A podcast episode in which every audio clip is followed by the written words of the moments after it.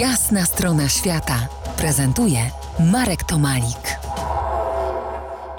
Po drugiej stronie Daniel Kocuj, z którym nie tak dawno temu rozmawialiśmy o jego podróży z Sydney do Szczecina, rowerowej podróży i o jego książce Bajkowa Podróż. Twój Sylwester, twoje święta Bożone, Bożego Narodzenia gdzieś daleko w kolorowym Meksyku, z tego co wcześniej rozmawialiśmy.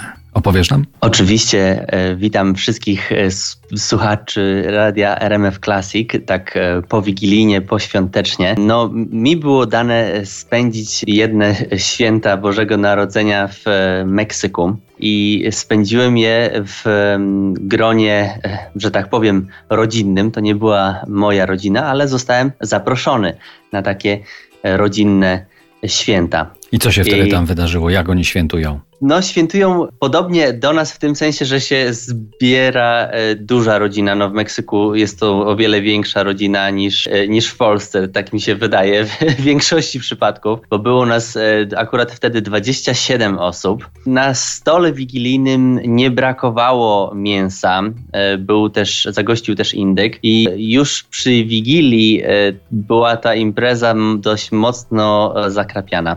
Była i wódka, i whisky, i oczywiście nie mogło się obyć bez tequili. Także, także bardzo wszystkim e, się szybko, szybko się wszyscy zaczęli bardzo dobrze bawić. Nie, nie, nie, było, nie było miejsca na taką e, cichą refleksję.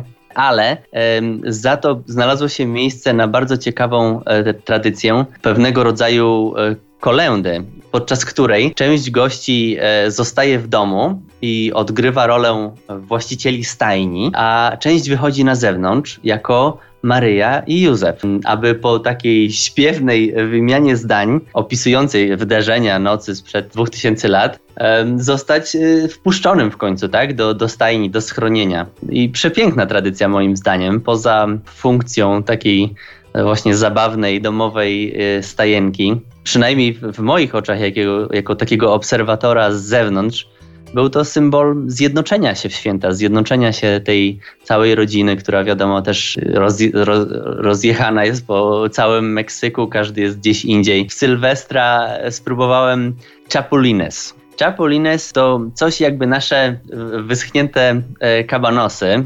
Gdyby nie były tym, czym były, czyli konikami polnymi, myślę, że z pewnością e, więcej, więcej przyjezdnych by się na nie e, skusiło. Twoje życzenia dla słuchaczy RMF Classic.